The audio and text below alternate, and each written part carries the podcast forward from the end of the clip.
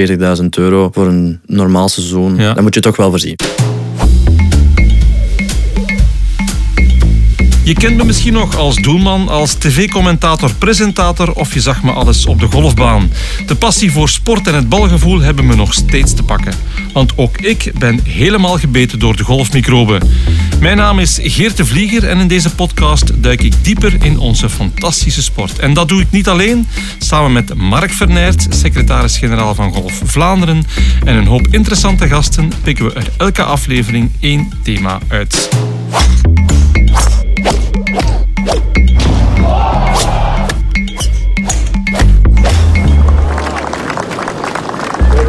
Dag Mark, we gaan het vandaag eh, iets anders aanpakken dan normaal, want we hebben niet één gast, maar twee gasten.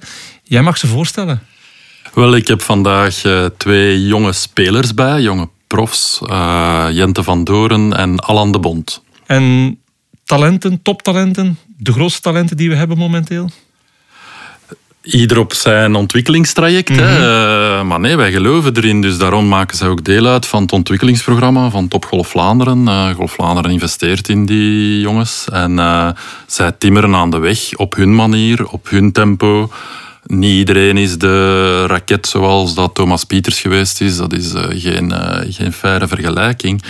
Eh, maar ze hebben zeker talent om, om van golf hun beroep te kunnen maken. Ja, ik ga ze zichzelf even laten voorstellen. Allen en Jente, van harte welkom. Uh, Allen, stel jezelf even voor. Uh... Uh, ik ben uh, 24 jaar ondertussen. Ik ben van Antwerpen. Ik ben beginnen golven op mijn zes jaar. En uh, ben sinds uh, 2019, uh, eind 2019 eigenlijk pro geworden. Ja, maar door uh, corona nog niet veel... Nee, door corona, zeker mijn eerste jaren, was vrij onbestaand. Mm -hmm. Maar dan, deze jaar zijn we nu toch op volle toeren aan het rijden. Ja. Ja. En Jente, zeg eens... Ik ben Jente van Doren en ik ben 24 jaar, ook uit Antwerpen. En ik heb, ben begonnen met golf toen ik vier jaar was. En op mijn 18 ben ik naar Amerika gegaan, naar de topsportschool. En dan in uh, 2019, in juli, ben ik professioneel beginnen golven. Ja, beide 24, beide uit Antwerpen. Dus ik kan me inbeelden dat jullie elkaar heel goed kennen. Sinds uh, ons 10, 10, 11 jaar? 11, denk elf, ik, ja. 11 jaar, ja.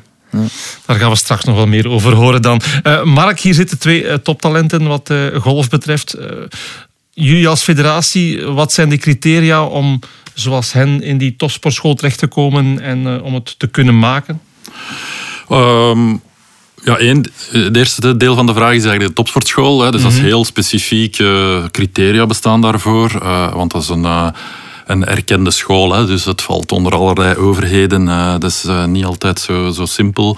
Um, maar dus er, de criteria staan op onze website. Dat heeft met leeftijd, handicap, mm -hmm. uh, gemiddelde scores te maken. En dan uh, de juiste instelling. Want dat vinden we eigenlijk uh, misschien nog wel het belangrijkste. Dat is het fameuze intakegesprek bij Karin Germain, onze technisch directeur. Um, en dan is dat vooral op de ontwikkelingslijn mm -hmm. blijven. Uh, de ontwikkelingslijn is, uh, dat is een instrument dat wij gebruiken die, waar een tal van pro's uh, in zitten die het gemaakt hebben, top 8 hebben gehaald, mondiaal. En dan zie je daar de ontwikkeling van vooral gemiddelde scores. Hè. Van het moment dat we over talenten praten, gaan wij wat weg van handicap. En je moet daar vooral blijven aan voldoen om dan de stappen daarna te kunnen zetten samen met ons. En uh, Allan en Jente zijn daar voorbeelden van. Hè, van topsportschool naar college, naar Topgolf Vlaanderen. Ja, wanneer is bij jullie het idee ontstaan van oké, okay, misschien kunnen we wel prof worden of willen we prof worden? Um, vrij vroeg, denk ik. Uh, omdat ik zoveel voorbeelden ook had uh, in mm -hmm. de topsportschool. Dus uh, ik denk, ja, ik, ik, ging, ben er naartoe gegaan vanaf het eerste middelbaar. En dan zat ik met ja, Thomas Pieters en daarna dan ook de drie. Uh, Manon de Rooij, uh, Leslie Claude, Kevin Esbois.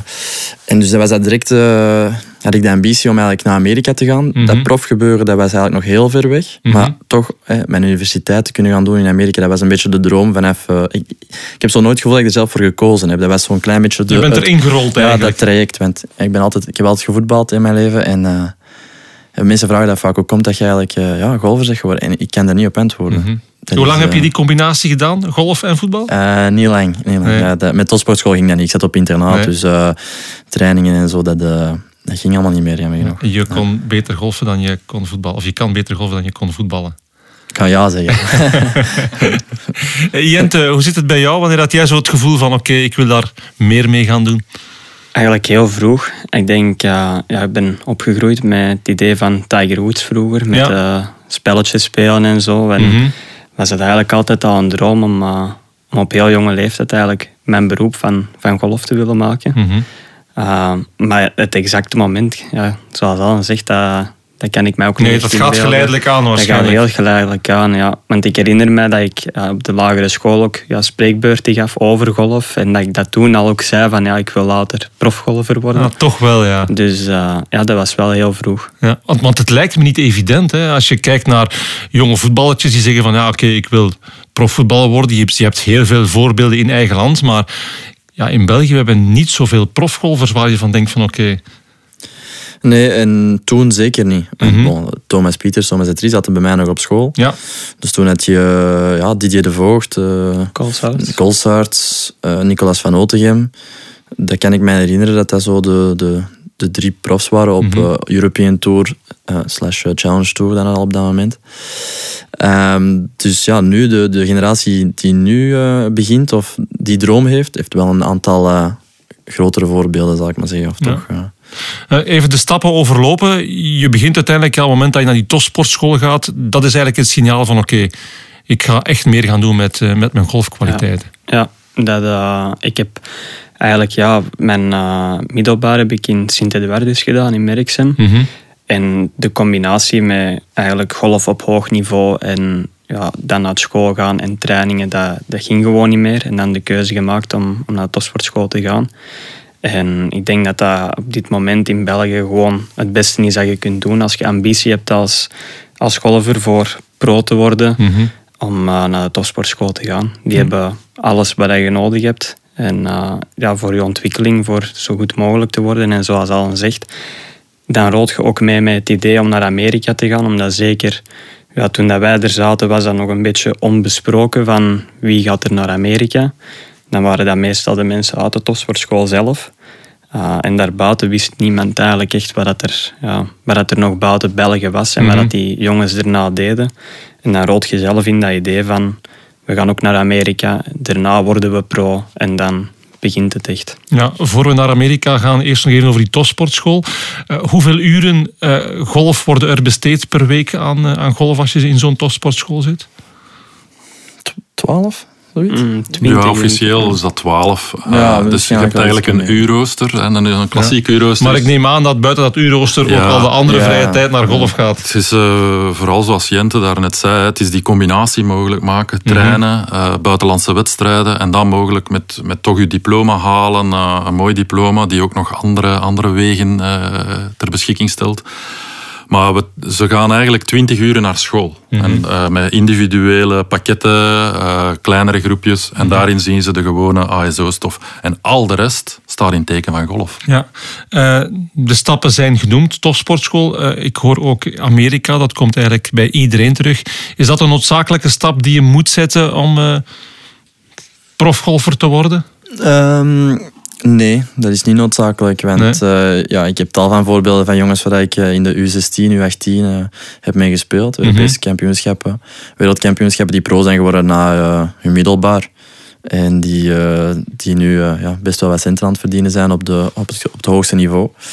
Maar het helpt wel. Voor sommigen helpt het. Mm -hmm. ja, je ziet John Rahm, Victor Hofland, ja, Pieters, de Trie, die hebben het ook allemaal gedaan. Maar dan Paratore, Guido Migliozzi, die zijn allemaal pro geworden na hun middelbaar. Dus het is ja, uw eigen weg. En, um, maar ik vind het wel een verstandige keuze om, om eerst ja, naar Amerika te gaan om toch een, een, diploma op zak te hebben. Ja, je noemt het een verstandige keuze om dat diploma te halen, maar in jouw geval, Allen, het, het is ook niet de beste ervaring geweest in je opleiding als profgolfer. Uh, nee, ik heb het er vrij moeilijk gehad. Mm -hmm. uh, vooral uh, op vlak van coaching.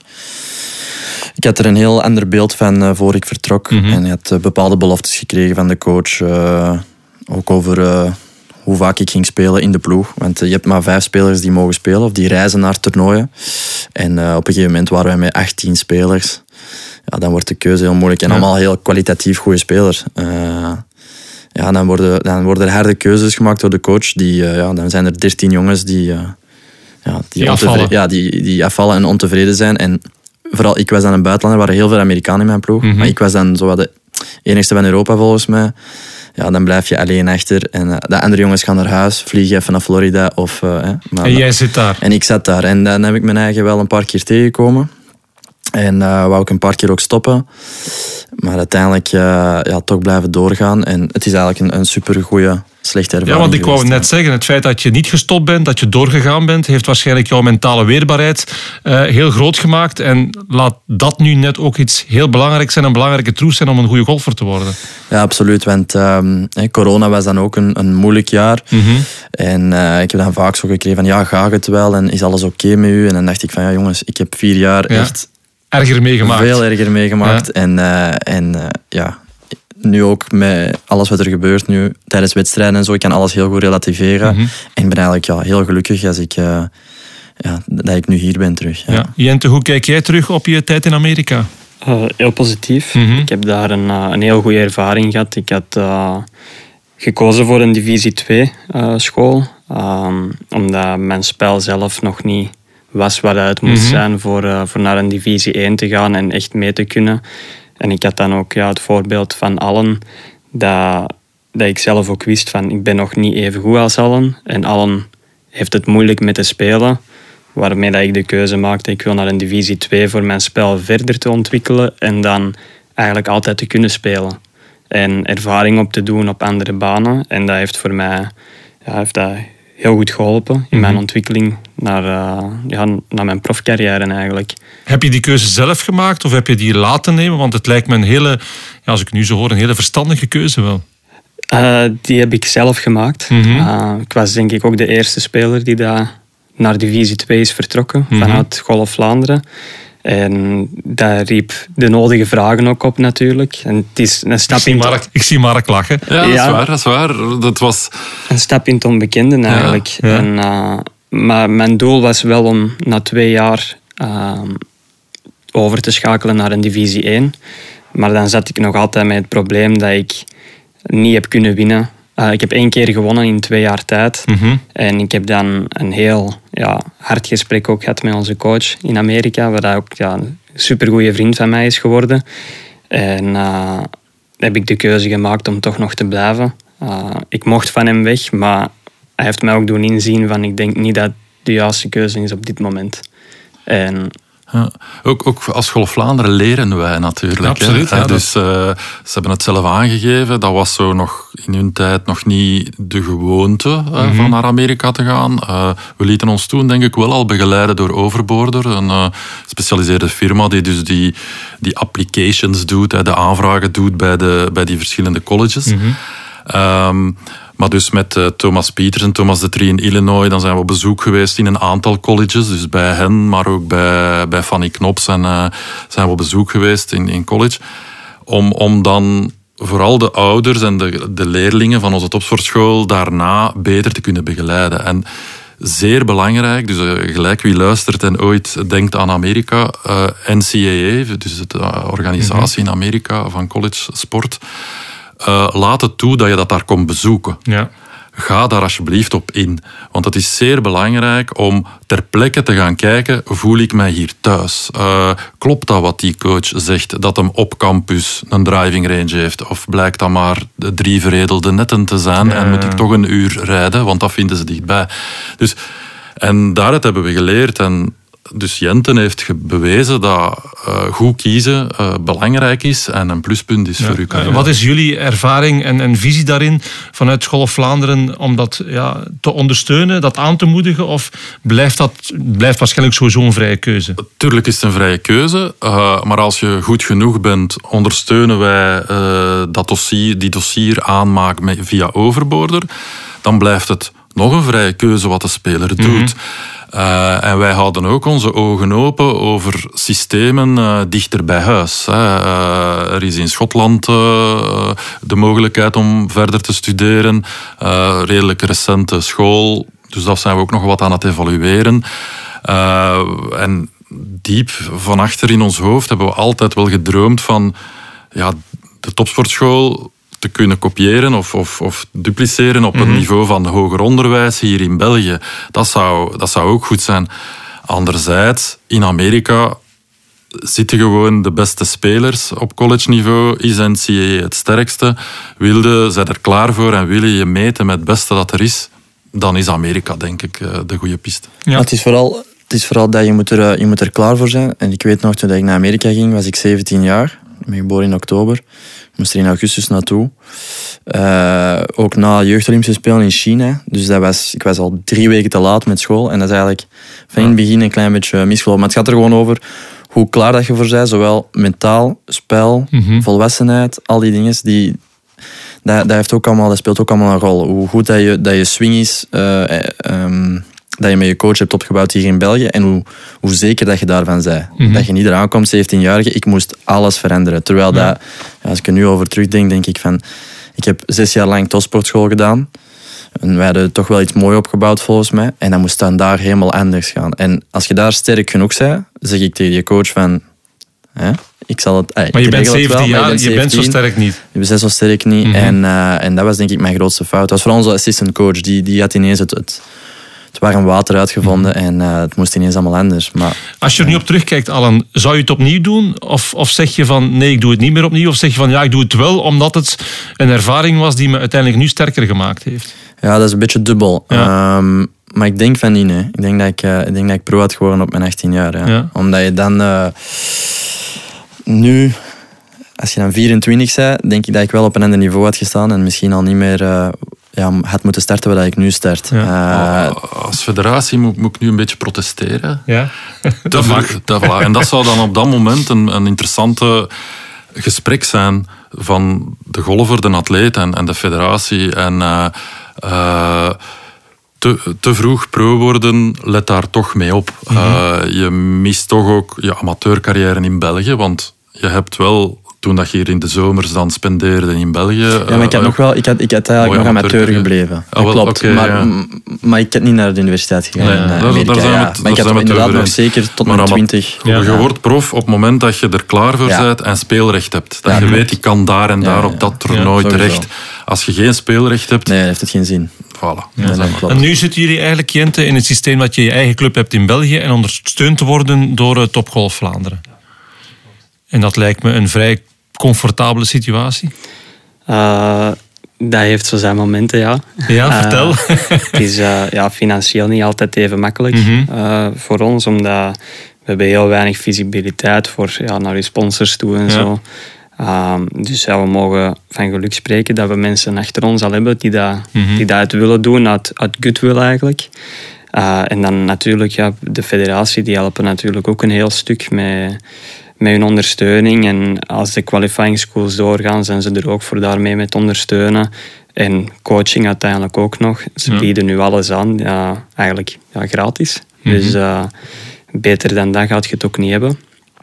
Maar uh, ja, langs de andere kant, als je heel goed speelt op onze tour, omdat wij op het derde niveau spelen, kun je wel je geld terugverdienen dat je ja. investeert. En dan wordt het interessant, maar dan is het ja, top 5 speel, top 8 op het einde van het seizoen. Dus het is een heel seizoen goed spelen voor eigenlijk je kosten er terug uit te ja, kunnen krijgen. Ja, want dat is het verhaal natuurlijk. Wij kijken, ik als amateurgolfer, naar de grote toernooien.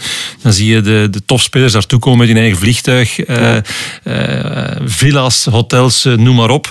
jullie staan aan het begin van zo'n carrière. Ja. ja. en dan begint het al met het, het, het boeken van de reizen, het, het, de verplaatsing regelen, bekostigen.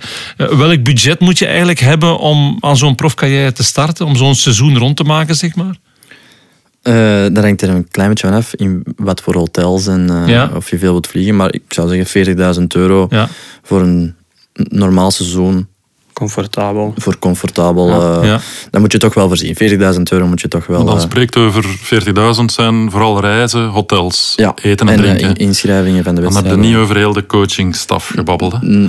Ja, dat ja, zit er wel, zit er wel bij. We hebben er wel bij. Normaal wel. 40.000 ja. euro is... Maar dan heb je zelf nog niks verdiend. Nee, nee. Dan heb je een jaar geleefd als prof. Ja. Zijn je kosten vergoed, maar het, een, een, prof, een profbestaan, dat betekent eigenlijk dat je uh, golft om je boterham te verdienen. Ja, klopt. Ja, nee, dat is... Uh... En we hebben ook nog het geluk dat we thuis wonen. Ja. ja.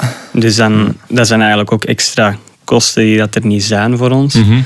Uh, terwijl ja, andere mensen die wonen, of ja, mensen die gaan werken, die ja, die gaan apart wonen. Ja. Die, die zeggen, ja, we willen alleen gaan wonen. Bij ons is dat heel moeilijk op deze moment. Ja, maar zoals je het zei over die profgolfers die nu hè, met een privéjet aankomen, hij toch heel veel ervan. Ik denk dan aan Ian Poulter en zo, die, die hebben ook gestaan waar wij Ja, tuurlijk, staan. Absoluut, En, maar die ik- hebben deze weg ook even moeten afleggen. Ja, En, voilà. ja, het is... Ja, het is Maar het is, ook wel, het is maar- ook wel weer mentaal een, eh, Ja. een, eh, een flinke beproeving, zeg maar, om, om je droom die je hebt en het idyllische wat je nastreeft. Omdat eh, ja, je bent nu 24, Ja. Eh, je hebt op je 17 in Amerika gezeten. Het is, het is wel volhouden, hè, als ik het zo hoor. Ja, maar op zich ook weer niet. Hè. Ik, ik, vind, ik, doe, ik doe dit wel gewoon graag, langs de ene kant. Eh, ik vind het ongelooflijk dat ik die kans krijg van bepaalde mensen, van de federatie, dat ik dit mag doen. En dat het af en toe eens moeilijk is en dat je in een minder Mhm. hotel zit in, in Polen of in Tsjechië. Ja, kijk, dat pak ik er graag bij, want het is echt wel een, eh, ja, ja, een droom om deze te kunnen doen. Mhm. En eh, Het is wel een, eh, een financiële challenge. Hè? dat wel, ja. Had je eigenlijk voetballer gebleven, Ah, ja, ja. dan lag er nu, eh, of, of een paar jaar geleden al, misschien een, een, een, een, een profcontract. eh, of Als hij echt, als hij echt goed was, hè, maar. eh, hij, hij was, hij was goed hoor. Eh, Nog ik steeds, kan-? Nou, dat weet ik Ah, niet. Dat weet ik niet. Maar hij was echt wel goed. En, maar, dat- maar in een ploegsport, of bij, dan, dan ligt alles klaar voor je. Je hebt misschien het minimumloon, maar je hebt een inkomen. Ja. En al de rest is betaald voor je. Eh, zo, zij zijn de zelfstandigen hè, van, de, van de topsport. Dus zij moeten eh, investeren, het zelf eh, voorschieten en missen ze een cut, dan zijn de inkomsten 0 euro. Ja. Dus zij hebben echt wel nood aan eh, structurele steun van, van sponsors. Want ze zijn heel vriendelijk van mij voor een paar keer al te bedanken hier in dit gesprek. En de federatie en de federatie. Maar wij geven een vooral sportieve ondersteuning in coaching. Een klein beetje budgetair. Maar dat, dat bekostigt die 40, 50.000 euro dat het nodig is niet. Hè. Daar hebben ze echt wel eh, een aantal ja, sponsors voor nodig die het moeten doen, van, eh, zoals Jente zei, vanuit Goodwill. eh, Ja, en is dat, dan, toekomst. is dat dan, Jente, een, een, een eigen zoektocht? Ga je dan persoonlijk de baan op en ga je dan met mensen gaan praten en ga je dan vragen van... Ja. Kan je ja, ons ondersteunen? Het is eh, zelf een beetje opzoekingswerk ook over welke ja, sectoren er bij de golf passen en Mhm. welke bedrijven er mogelijk zouden geïnteresseerd zijn in, in het doen van een sponsoring. Op lager niveau natuurlijk. Ja. ja, want de return is op dat moment niet zo groot. Ja, dus eh, wij hangen ja, heel vaak af ook van de mensen op de club. Mhm. Eh, Alan speelt op Capelle, ik speel op Ringfen. Dat zijn ja, twee, ja, de, twee heel grote clubs in, in Antwerpen. Ehm, en door ja, de interclubs te spelen leert je wel heel wat mensen kennen.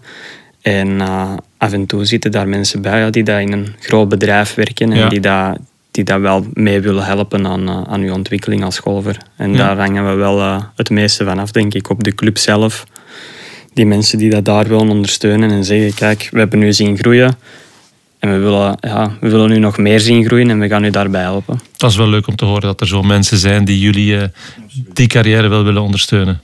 Eh, Of qua ondersteuning gesproken, we zaten in de vorige aflevering hier met eh, George McKechnie. Ehm, een boeiende man om mee samen te werken, lijkt mij. Absoluut. Ja, het is eh, ja, iemand die mij geïnspireerd heeft om over mijn golfspel te gaan, gaan nadenken. Maar ik kan me inbeelden, in jullie geval, iemand met zoveel ervaring, met zo'n achtergrond, dat je daar als eh, jonge beginnende golfer wel wat van opsteekt. Ja, ik heb George leren kennen op de topsportschool al. Ik denk Mhm. toen dat ik voor in derde, derde middelbaar. Ehm, en ja, direct... hadden allemaal direct verkocht met zijn eh, kennis. En Mhm. eh, ook structuur die hij meebracht. Dus, eh, en eh, ja, we doen nog steeds stages samen. eh, op het einde van het jaar. En ook eh, individuele dagen. Om eh, van alles te doen. Putten, chippen. Eh, en al, al is het eens een, eh, een, goeie, een goed gesprek, af en toe na een paar wedstrijden, om eens eh, een eh, recap te maken van de voorbije paar, eh, eh, paar wedstrijden. Ja. Ja, inderdaad, altijd heel interessant. Voor we verder gaan, gaan we eerst even inzoomen op een ander belangrijk aspect bij het leveren van topprestaties in de golf, namelijk de voeding. Daarvoor gaat Karel Dirks bellen met een generatiegenoot van Thomas Pieters, Gomar Dulst. Hij is als academicus intensief bezig met het onderzoek naar performante voeding en hoe dit verder kan bijdragen tot een verhoogde prestatie. Opnieuw een interessante babbel dus.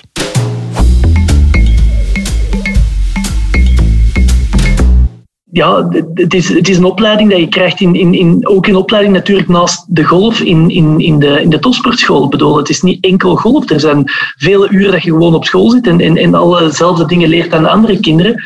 Uh, en nogmaals, universiteit, zeker de eerste twee, drie jaar en ook hogeschool, is gewoon leren studeren. Uh, je eigen um, ja, de, de, de, juiste dingen aanleren en gewoon durven uh, u, u, op te sluiten op kot. En, en, en ik denk dat, um, ja, dat dat mij wel erdoor heeft geholpen. En, en met de hulp van, van, van de, de Vlaamse Vereniging voor Golf tijdens mijn opleiding um, in de middelbare school kan dat perfect. Ik denk dat die twee perfect kunnen samengaan.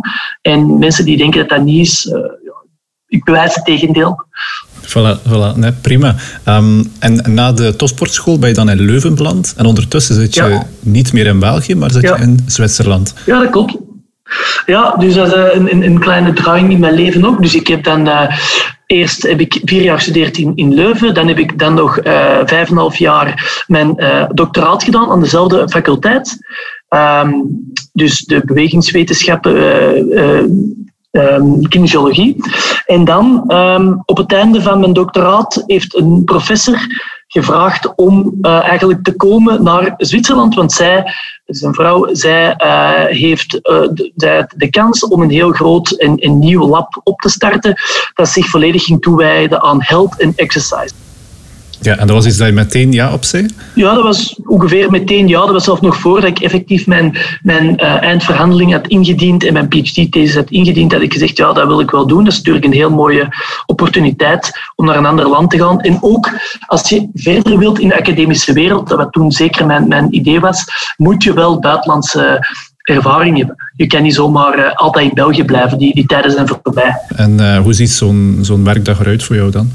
Ja, dus ik, ik, ik ben nu geïnteresseerd in uh, de interactie tussen ja, eigenlijk krachttraining en, en beweging en hoe dat proteïnen, het aminozuren, worden opgenomen door de spier. Dus effectief de interactie tussen voeding en, en krachttraining of beweging. En bij mij is dat meestal um, experimenten met, meestal met muizen of, of in cellen. Uh, in de voormiddag of in de namiddag. Uh, en dan ook analyses uh, in het labo van die spieren.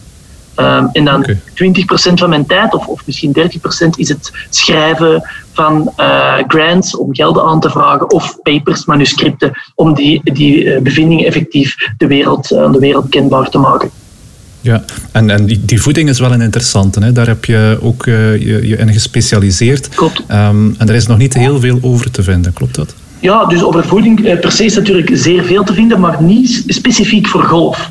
Okay, um, dus ja. ik heb over laatst nog wel onderzoek naar gedaan. En bijvoorbeeld uh, specifieke papers die, die het effect van bepaalde supplementen of bepaalde voedingspatronen op golfers onderzoeken, die zijn quasi niet te vinden.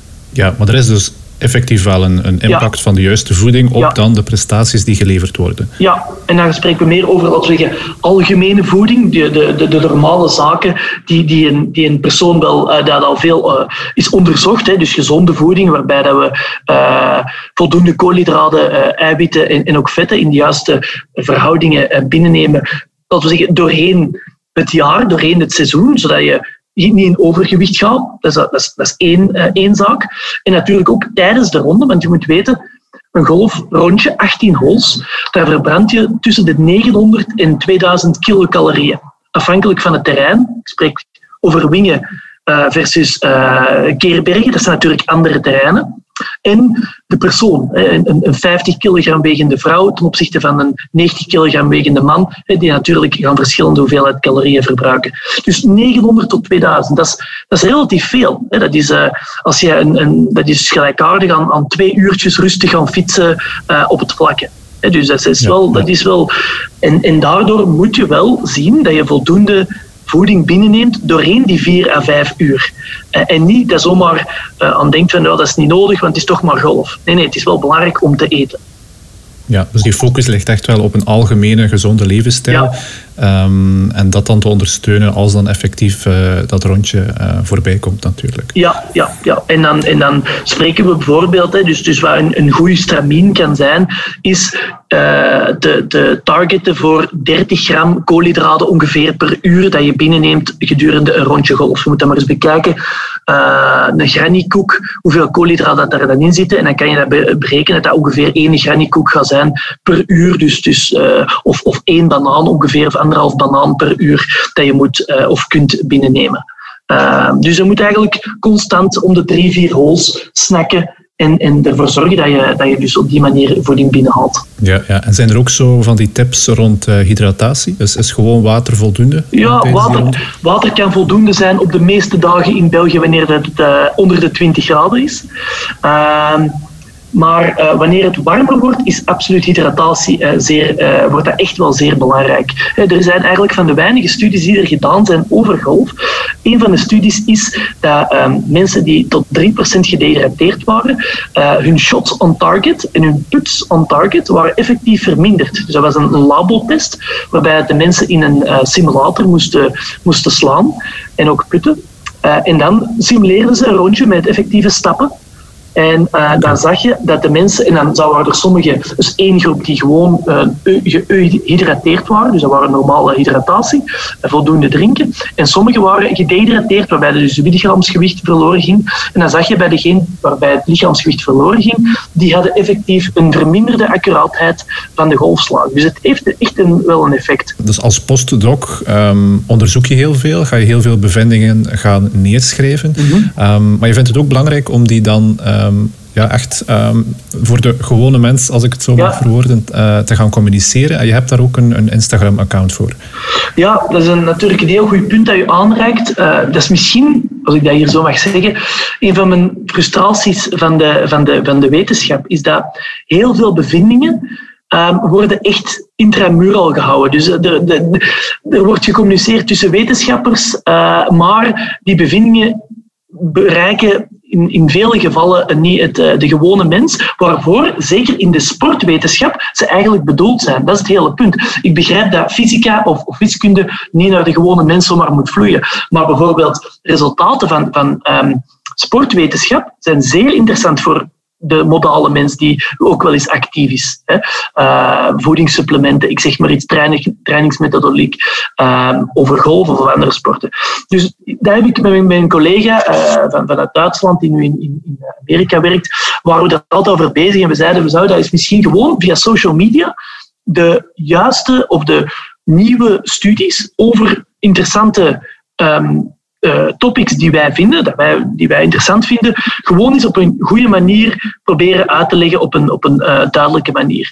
En uh, via Instagram bleek dat ongelooflijk goed te werken. Niet via Facebook, maar via Instagram was dat echt exploded. Op twee jaar hebben we 65.000 volgers zonder, zonder enige um, ja, enige eh, publicity, promotie, promotie absoluut niet, want we hebben ook weinig tijd om dat te doen. Maar daar is zeker een, een denk ik toch, een niche voor. En uh, daar ben ik wel, wel blij en ook trots op dat we op die manier de bevindingen die we zelf hebben of andere, van andere wetenschappers kunnen uitleggen aan, aan mensen die, die, die ervoor openstaan.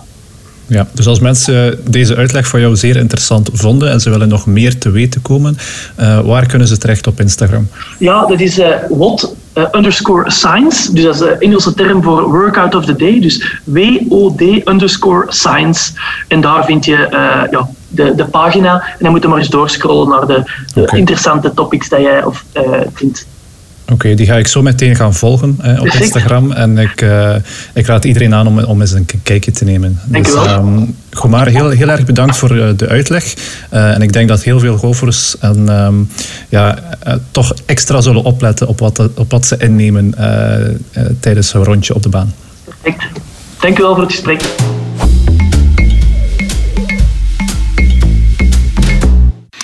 Het was Karel Dieriks in gesprek met Gomar Dulst. Eh, voeding, mannen, is dat ook iets waar jullie heel veel mee bezig zijn?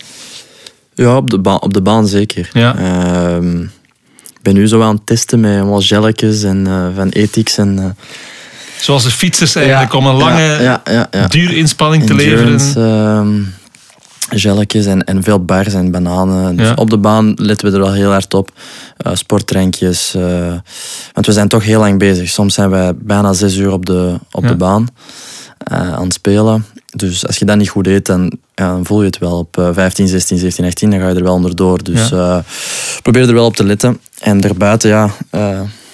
Dan mag wel eens een, escapade zijn. dat- ja, voor ons is dat niet het aller, daar moeten we eerlijk over zijn. Voor ons is dat niet het allerbelangrijkste. We zijn Nee. geen marathonlopers. Nee. Maar Maar het is inderdaad wel belangrijk, denk ik, Jente, als je zo lang op de baan staat. Het, het lijkt geen puur fysieke sport, maar om mentaal fris te zijn, Ja. moet je ook fysiek in orde zijn. Ja, inderdaad. Het is vooral de concentratie eh, ligt altijd heel hoog. Zelfs eigenlijk tussen je shots. Mhm. Ik denk ook, ja, je bent aan het wandelen, maar je bent toch altijd bezig ergens over ja, een vorige slag, wat het eigenlijk niet zou mogen. Mhm. Maar je probeert ook heel vaak na te denken over wat is mijn volgende slag en waar moet die zijn. En Mhm. het is echt een ja, vijf uur lang een gedachteproces van waar moet ik zijn en waar lig ik en wat moet ik nu doen. Mhm. En eh, ja, dat pakt wel heel veel eh, ja, concentratie. En dan fysiek ja, ziet je daar ook wel vanaf. Ja, want je sprak in het begin van de aflevering over je voorbeeld, Tiger Woods, die jou aangezet heeft om te gaan golfen. Hij is ook wel de man geweest die van golf echt een, ja, een topsport gemaakt heeft eigenlijk. hè? absoluut. Ja, klopt. Die eh, was een van de eerste die daar echt eh, fitness Mhm. geïntegreerd heeft in de golf. Eh, samen met Gary Player, denk Ja. ik dat dat samen was. En ja, sindsdien, ja, hij sloeg het verste en mensen begonnen het na te doen, omdat ze dachten van ja, er zit hier wel iets anders in dan dat wij niet Mhm. deden. En hij wint veel, hij slaagt verder, dus wij moeten het ook beginnen doen. En sindsdien, ja, als je de, de mensen ziet nu op tour, Maar zeker bij ons het, is, ook, eh, allemaal atleten. Het zijn, Ja. allemaal, het zijn allemaal atleten die daar ja, minstens drie, vier keer in de week in de fitness zitten. Die daar gaan lopen, eh, fietsen. eh, die daar ja, echt ook zwaar gewichten gewoon tillen Ja. om, om sterke benen te krijgen en een sterke ja, buikspieren. Ja, geen blessures. En eh, ja, ook het feit dat je minder blessures gaat oplopen als je lichaam sterker is. Ja, golf is uiteraard is eh, duidelijk ook een eh, topsport. En eh Gomar Dulst, Mark, die ken jij ook nog. Ja, dus eh, daar zijn we super trots op. Hè, want dus dat is ook een eh, ex-leerling van onze topsportschool. En eh, ja, ik wou toch heel graag vermelden dat we heel trots zijn dat hij zijn PhD heeft behaald. En dat was in hetzelfde jaar als Thomas Pieters de eerste winst pakte op de Tour. En dat, dat, voor ons, ja, dat is voor ons echt wel van even grote waarde. Hè. Dus dat je eh, ook academisch eh, na de topsportschool helemaal je weg kunt vinden. En eh, we zijn heel blij dat Gomaar zich ook ter beschikking stelt voor ons. Want hij komt ons af en toe eens opleiding geven eh, over voeding aan de, aan de toekomstige teaching pros en zo. Geeft hij les. eh zo, super tof. We lopen stilaan naar het einde van deze aflevering. Dan is het eh, mijn vraag, jongens. eh, wat brengt de toekomst, Allen? Wat eh, zijn jouw targets, perspectieven, doelen voor eh, de komende tijd? Ehm, de komende tijd gewoon ja, blijven groeien. Eh, in wat ik nu aan het doen ben. Ik denk dat ik op de juiste weg ben. Eh, op de Pro Golf Tour, dat is eh, de Duitse Tour. Mhm. En eh, proberen gewoon die, die ranking zo hoog mogelijk te, zo, zo hoog mogelijk te eindigen. Ja. Dus dat is het doel is top 5. We hebben nog zes, zes of zeven toernooien.